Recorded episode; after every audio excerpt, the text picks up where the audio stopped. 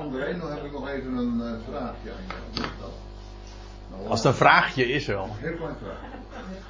Dan gaat dat schip verloren. Dat is typo, typo, typologisch gezien Israël. Ja. Dan zegt hij in Romeinen 11 vers 25.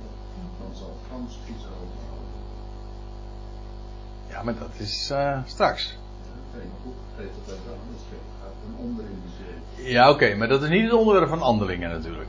Het, uh, eigenlijk, het, het, ik versta het zo dat uh, de vraag in het begin van het boek is: uh, Heren, herstelt u in deze tijd het koninkrijk voor Israël? En dan in handelingen 28 is uiteindelijk het antwoord: nee, het koninkrijk voor Israël wordt niet hersteld in deze tijd. En dus ging het verloren, zeg maar, in de Volkerenzee. Maar ja, de hoop voor Israël die blijft natuurlijk hoe dan ook vast. Ja, zeker. Maar eigenlijk is dat ook. Ook dat zie je typologisch natuurlijk ook al diverse keren, ook al in het boek Handelingen. Bijvoorbeeld, uh, ik, afgelopen zondag hadden we het er nog over. Als, als Paulus bij die. Uh, uh, nee, als, als Saulus Paulus wordt. Dan komt hij bij die. nee, niet Ananias. Ehm, hoe heet die man nou? Handelingen 13, vers 9. Elimas. Ja. Je weet precies waar het staat, maar je weet niet hoe het heet. Nee, ja, goh, ik ben, ik ben een. Oh, ze moesten. Nou, echt wel.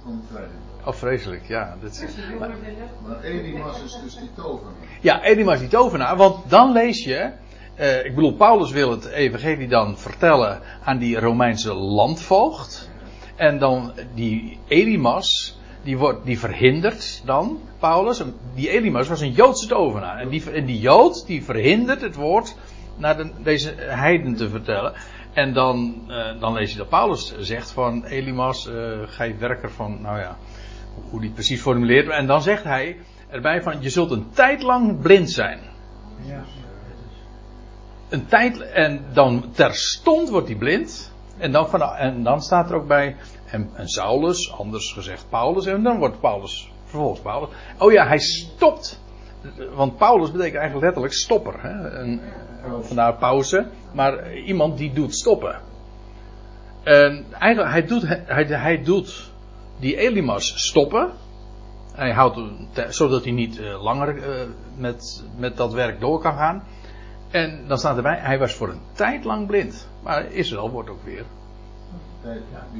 Niet voor altijd. Een tijd, ja.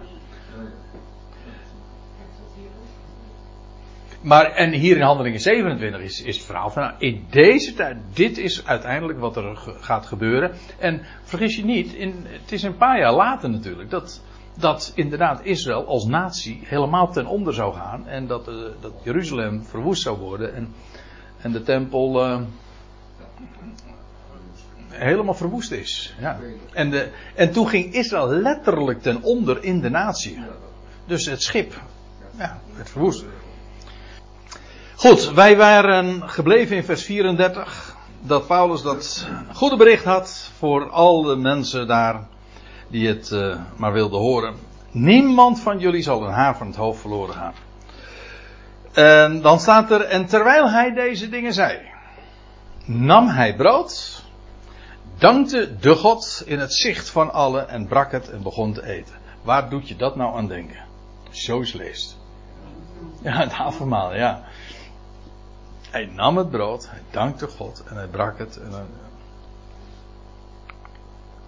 Maar ik moet het, en dit is wel een heel vrij voorbeeld. Dit was een maaltijd. Ik bedoel, helemaal, uh, waarbij een enkeling Jood geweest zal zijn, mag je aannemen.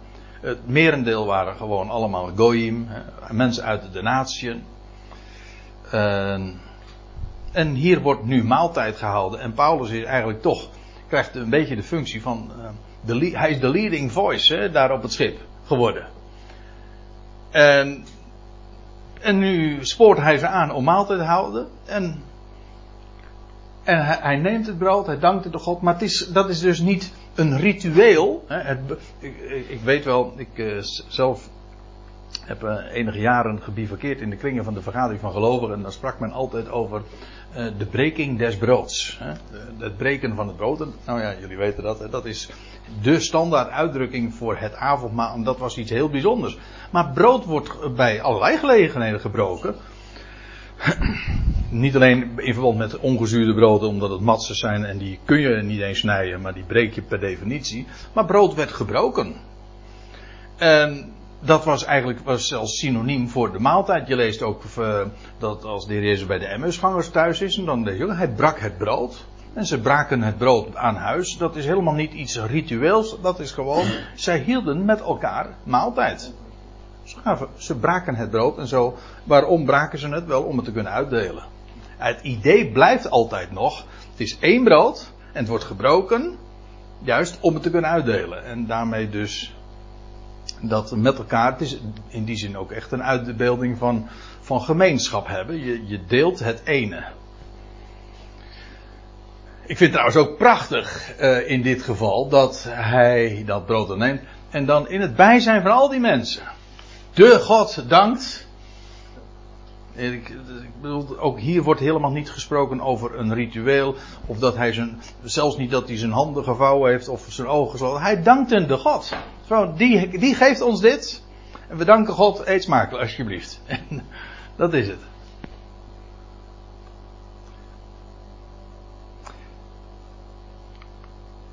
Alle nu werden, kijk, alle nu werden godsmoeds. En ja, dat is de uitwerking van het goede bericht. Deze man, deze Paulus, die wijst op de God en het woord wat aan hem gegeven was, was zo'n geweldig goed, bericht. Hij was goed, goedsmoeds. En hij, het, was trouwens ook nog heel gezond wat hij deed. Want ik geloof ook trouwens dat. Uh, hoe staat het in spreuken? Heb je weer, er wordt weer een beroep op mijn. Ik doe zelf een beroep op mijn geheugen. Dat. Uh,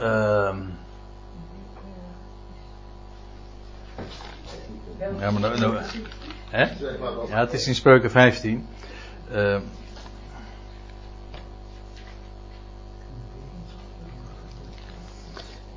even kijken of ik het snel kan vinden.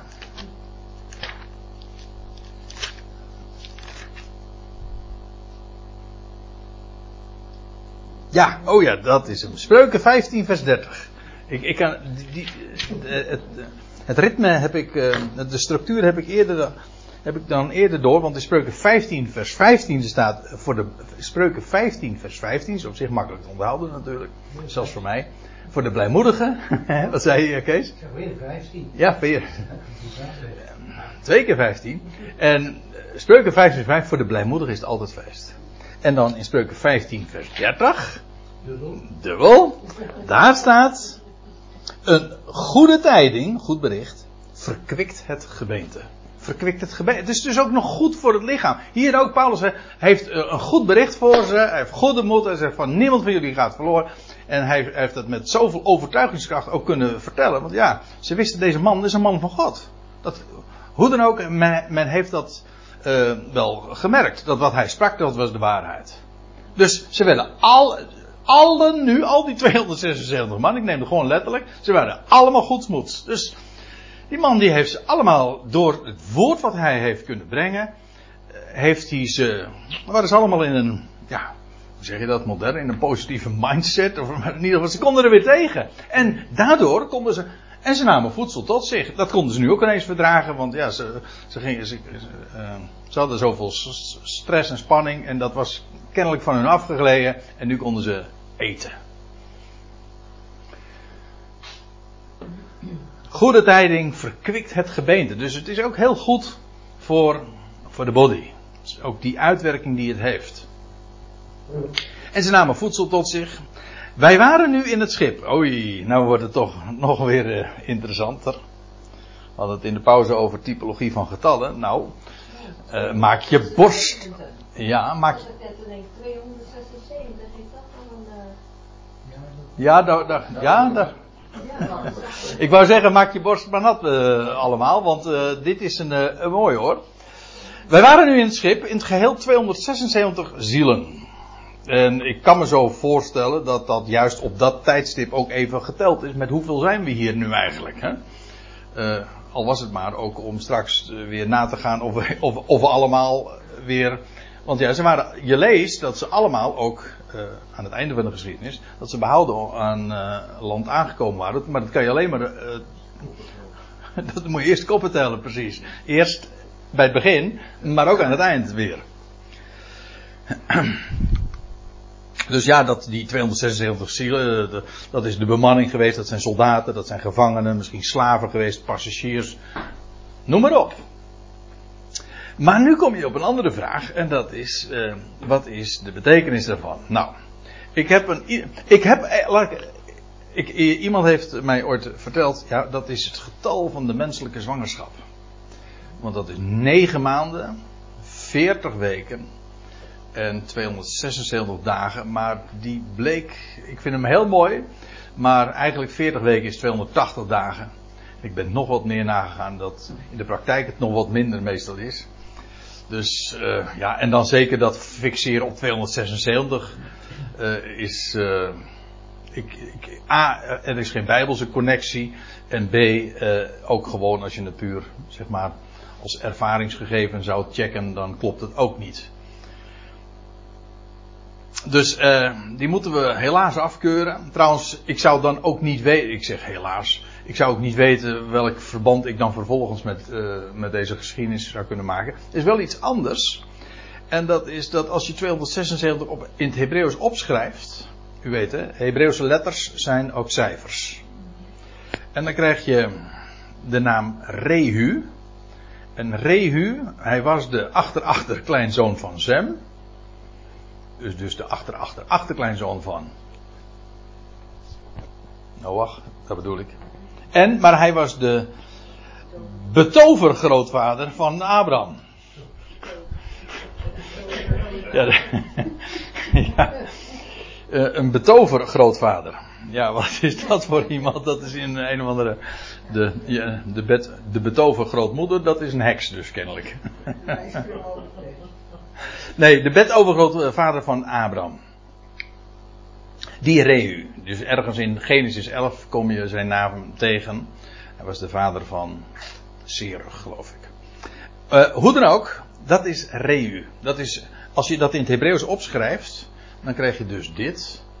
Uh, de, de Resh, dat is de 200. De Ayin, dat is de 70. En de Waf, de letter Waf, dat is de 6. Kan hem trouwens nog anders vertellen, want dit is het hoofd. Dit is een oog. En dit is een schakel, een, een verbinding, een haak. En dan eigenlijk zijn het in die zin zelfs gewoon nog pictogrammen ook. Dus feitelijk, dit, dit, is een getal. Kijk, dit is zoals je het leest. Van rechts naar links overigens, hè, van het Hebreeuws. Uh, maar het is ook een getal. Uh, maar het zijn zelfs ook gewoon pictogrammen. Al die lettertjes zijn op zichzelf ook namelijk gewoon weer woorden. De reis is gewoon een hoofd. En de ayin is een oog. En dan krijg je dus feitelijk een soort stripverhaal. Als ik het zo mag zeggen. Allemaal pictogrammetjes naast elkaar. Moet uh, voor ons tegenwoordig niet zo gek meer zijn, want uh, sms-taal bijvoorbeeld is, zijn allemaal pictogrammetjes. Sorry? Je zei hoofd, oog en? En dit is de, ha een ha de Hebreeuwse letter waf is een haak, dat wil zeggen iets wat verbinding brengt. Het hoofd, het oog heeft voor en dat verbinding brengt.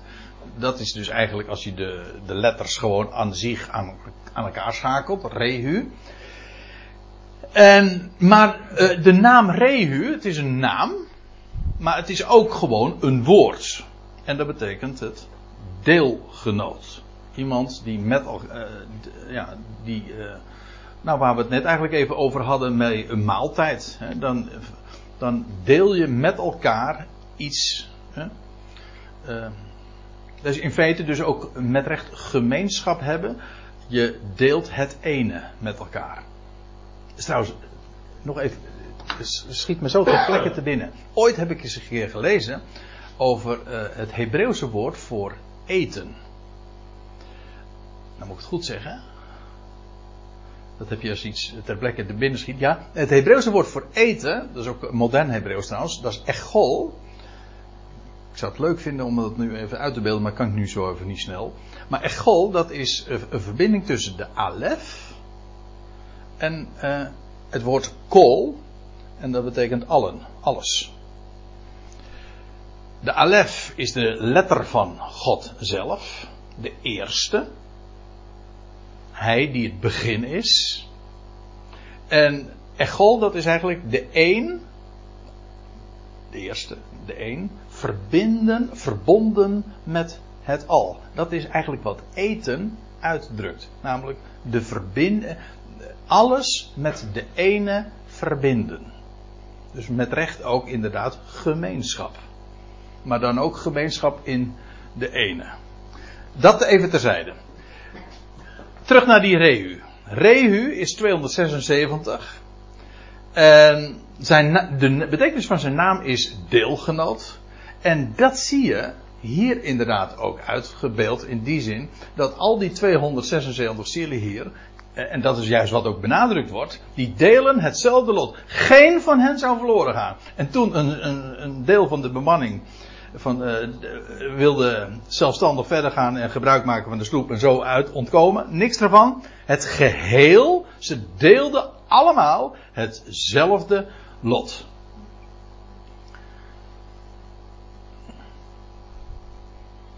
En dat zit dus in dat is de boodschap ook in dat getal 276, als ik het vanuit de Hebreeuwse symboliek ook belicht.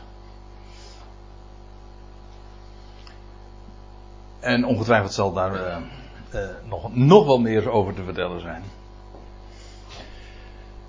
Maar uh, om dan toch nog even de koppeling te maken met, die, met de zwangerschap. Ik hoop dat dit u ook bevalt. Ja. Of bevallen is. Of dat dit ook bevallen is, ja, precies. Ja.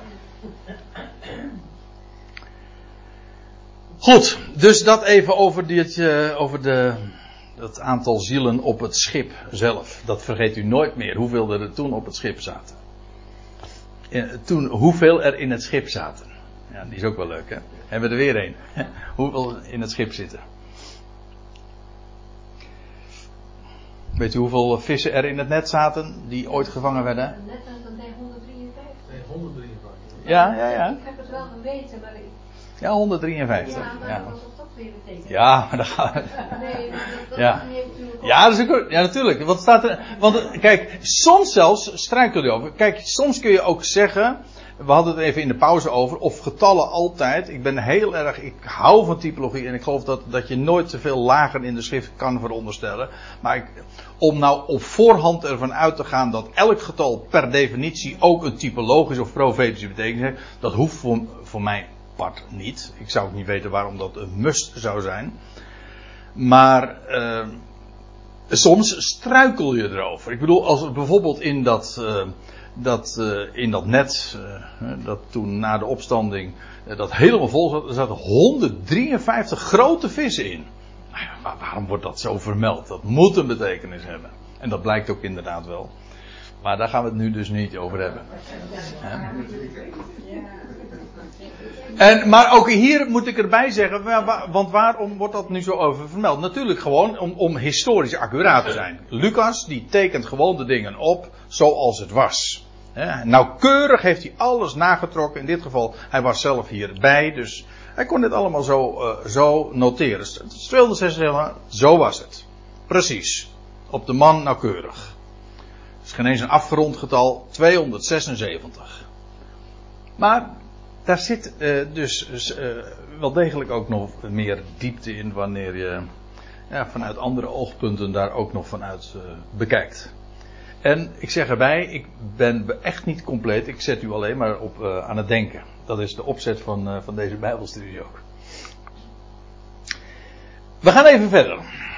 Eh, zij nu werden verzadigd van voedsel en ze hielden het schip drijvend door het, door het graan te werpen in de zee. Ehm, dus kennelijk, ze hadden niet de hele lading eh, overboord gegooid. Dat hadden ze al veel, in een veel eerder stadium gedaan. Maar nu wordt. eh, eh, ze, ze waren verzadigd van voedsel en dus hadden ze ook helemaal geen graan meer voor het gebruik nodig. En ze hebben het in de zee geworpen.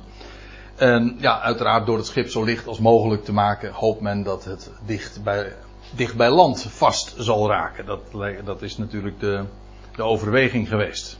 Maar toen het dag werd, uh, herkenden zij het land niet. Maar ze aanschouwden een zekere baai die een, een, dat een, die een strand had. Is die of dat? De baai. Nee, het is niet Dubai, maar de baai. die een strand had. Ja, correct. En zij beraadslaagden in die mogelijk het schip daarop uit te drijven. Letterlijk uit te stoten op het uh, op het strand te laten lopen, zeg maar. Dat was wat ze bedoelden te doen. Maar zonder succes, want dan lees je nog, en ze namen de ankers rondom weg. En ze lieten ze in, en ze lieten ze in zee. Dat wil zeggen, ze lieten ze achter in de zee. Dus ze gooiden die ankers los. En ze hebben de ankertouwen gewoon gekapt. Zodat de die ankers gewoon in zee achtergelaten worden. Ook, trouwens ook, uh, de lading. Het graan van het schip. In de zee. Maar nu ook de ankers. Over de hoop laten varen. Hè. Is als hoop om in die dagen eh, dat het koninkrijk gevestigd zou worden. Het nu wordt nu allemaal achtergelaten. Men laat het met rechte varen. Hebben we er weer een trouwens. Hè. En ze lieten ze in zee. En dan, ze doen nog, drie, nog twee andere dingen. Want uh, de ankers die worden vervolgens dus in zee achtergelaten. Ze lieten tegelijkertijd de roerbanden los. Dat wil zeggen de banden die de beide roeren aan, uh, uh, aan elkaar koppelden. Want het schip had namelijk twee roeren. En wanneer het schip voor anker lag, werden. Dit heb ik allemaal. Dat heb ik niet van mezelf, hè. Maar dit heb ik gewoon gelezen in de naslagwerk. En dat is de enige manier ook om dit uh, te begrijpen. Wanneer het schip dan voor anker lag, werden de roeren opgetrokken. Uh, dat waren een soort van, uh, van die hele grote roeispanen, zeg maar, in die vorm. En met banden dan bevestigd. Nou, en nu werden de, de roerbanden losgelaten. En nu moest het schip de baai worden ingeloodst. Dus men had die roeren weer nodig. En vandaar dus dat die opgetrokken roeren dus nu weer losgelaten werden. En zodat het toch uh, zodat men het schip kon sturen. En ze hezen het voorzeil op voor de wind. En ze hielden aan op het strand. Het voorzeil dat is een smal klein zeil aan de voormast. Dat was genoeg om uh, het uh, nu nog te sturen. En zo hielden ze aan op het strand. Zij nu belanden op een plaats. En dat is hier gewoon een zandplaat met de zee aan beide zijden.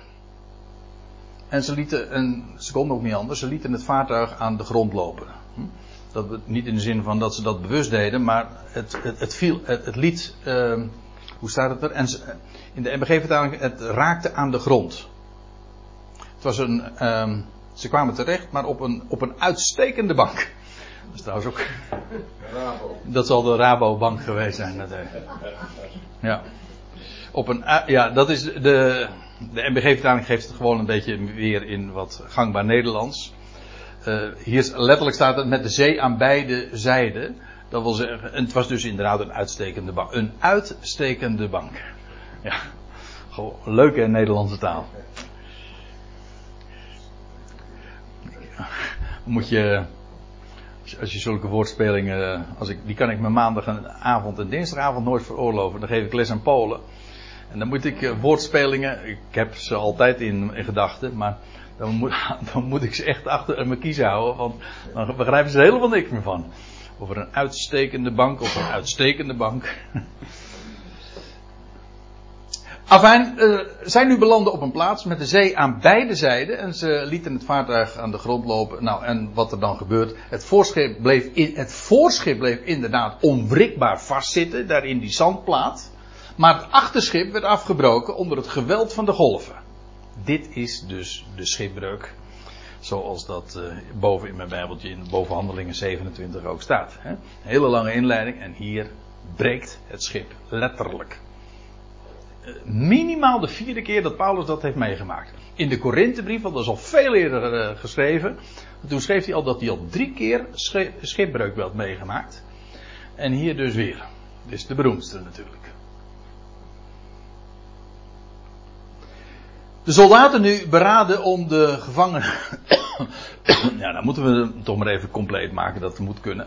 Eh, de soldaten nu beraden om de gevangenen te doden, zodat niemand wegzwemmend zou ontsnappen. Want u moest zich realiseren, die soldaten waren natuurlijk verantwoordelijk voor die gevangenen. En hun, de autoriteiten die waren niet mals. Als ze zo'n gevangene hadden laten gaan, nou dan kostte dat hun, hun, eigen, kop, de, hun eigen kop, zeg maar. Dus uit veiligheidsoverweging hebben ze gedacht van nou laten we die gevangenen dan maar doden. Maar dat zou trouwens Paulus dan zelf ook. Uh, die zou dan zelf ook gedood worden. Uh, maar ze waren bang dat mensen weg zouden zwemmen en zo zouden ontsnappen.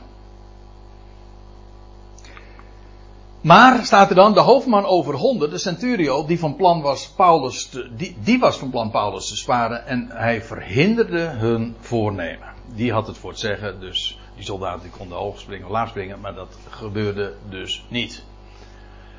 En hij, die, dat is die hoofdman, hij beval bovendien, bovendien dat wie kon zwemmen, als eerste overboord zou springen, om dan vervolgens uh, aan land te komen.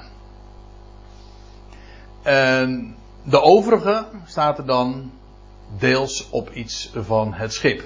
Nee, de overige deels op planken, deels op iets van het schip. Dat wil zeggen, gewoon wrakhout of iets anders wat drijfkracht gehad. Zodat je veilig aan land kon komen zonder dat je hoefde te zwemmen. En uiteindelijk, dat is de, het einde van de geschiedenis. Ze waren natuurlijk al dicht bij land. En dus dat zal niet zo'n een hele tour geweest zijn om nog land te bereiken als je kon zwemmen. En uh, de overigen die uh, zijn op deze manier dus uh, aan het strand te, terechtgekomen. En zo eindigt dan Handelingen 27. En zo geschiedde het dat allen behouden aan land kwamen. Eindgoed, al goed. Het is net het evangelie. He? Eindgoed, alle goed. En wat Paulus had gezegd. Het goede bericht wat hij twee keer had laten klinken op het schip. Namelijk dat allen gered zouden worden en niemand verloren zou gaan. Hier is het waarheid gebleken. Het schip was eronder gegaan. Met de lading in de zee, in de Volkerenzee terechtgekomen. De ankers, de hoop was vervlogen. Inderdaad, voor Israël in die dagen. Maar Niettemin, de boodschap van Paulus, het goede bericht wat hij had laten klinken, dat was nu waarheid geworden. Allen kwamen behouden aan land.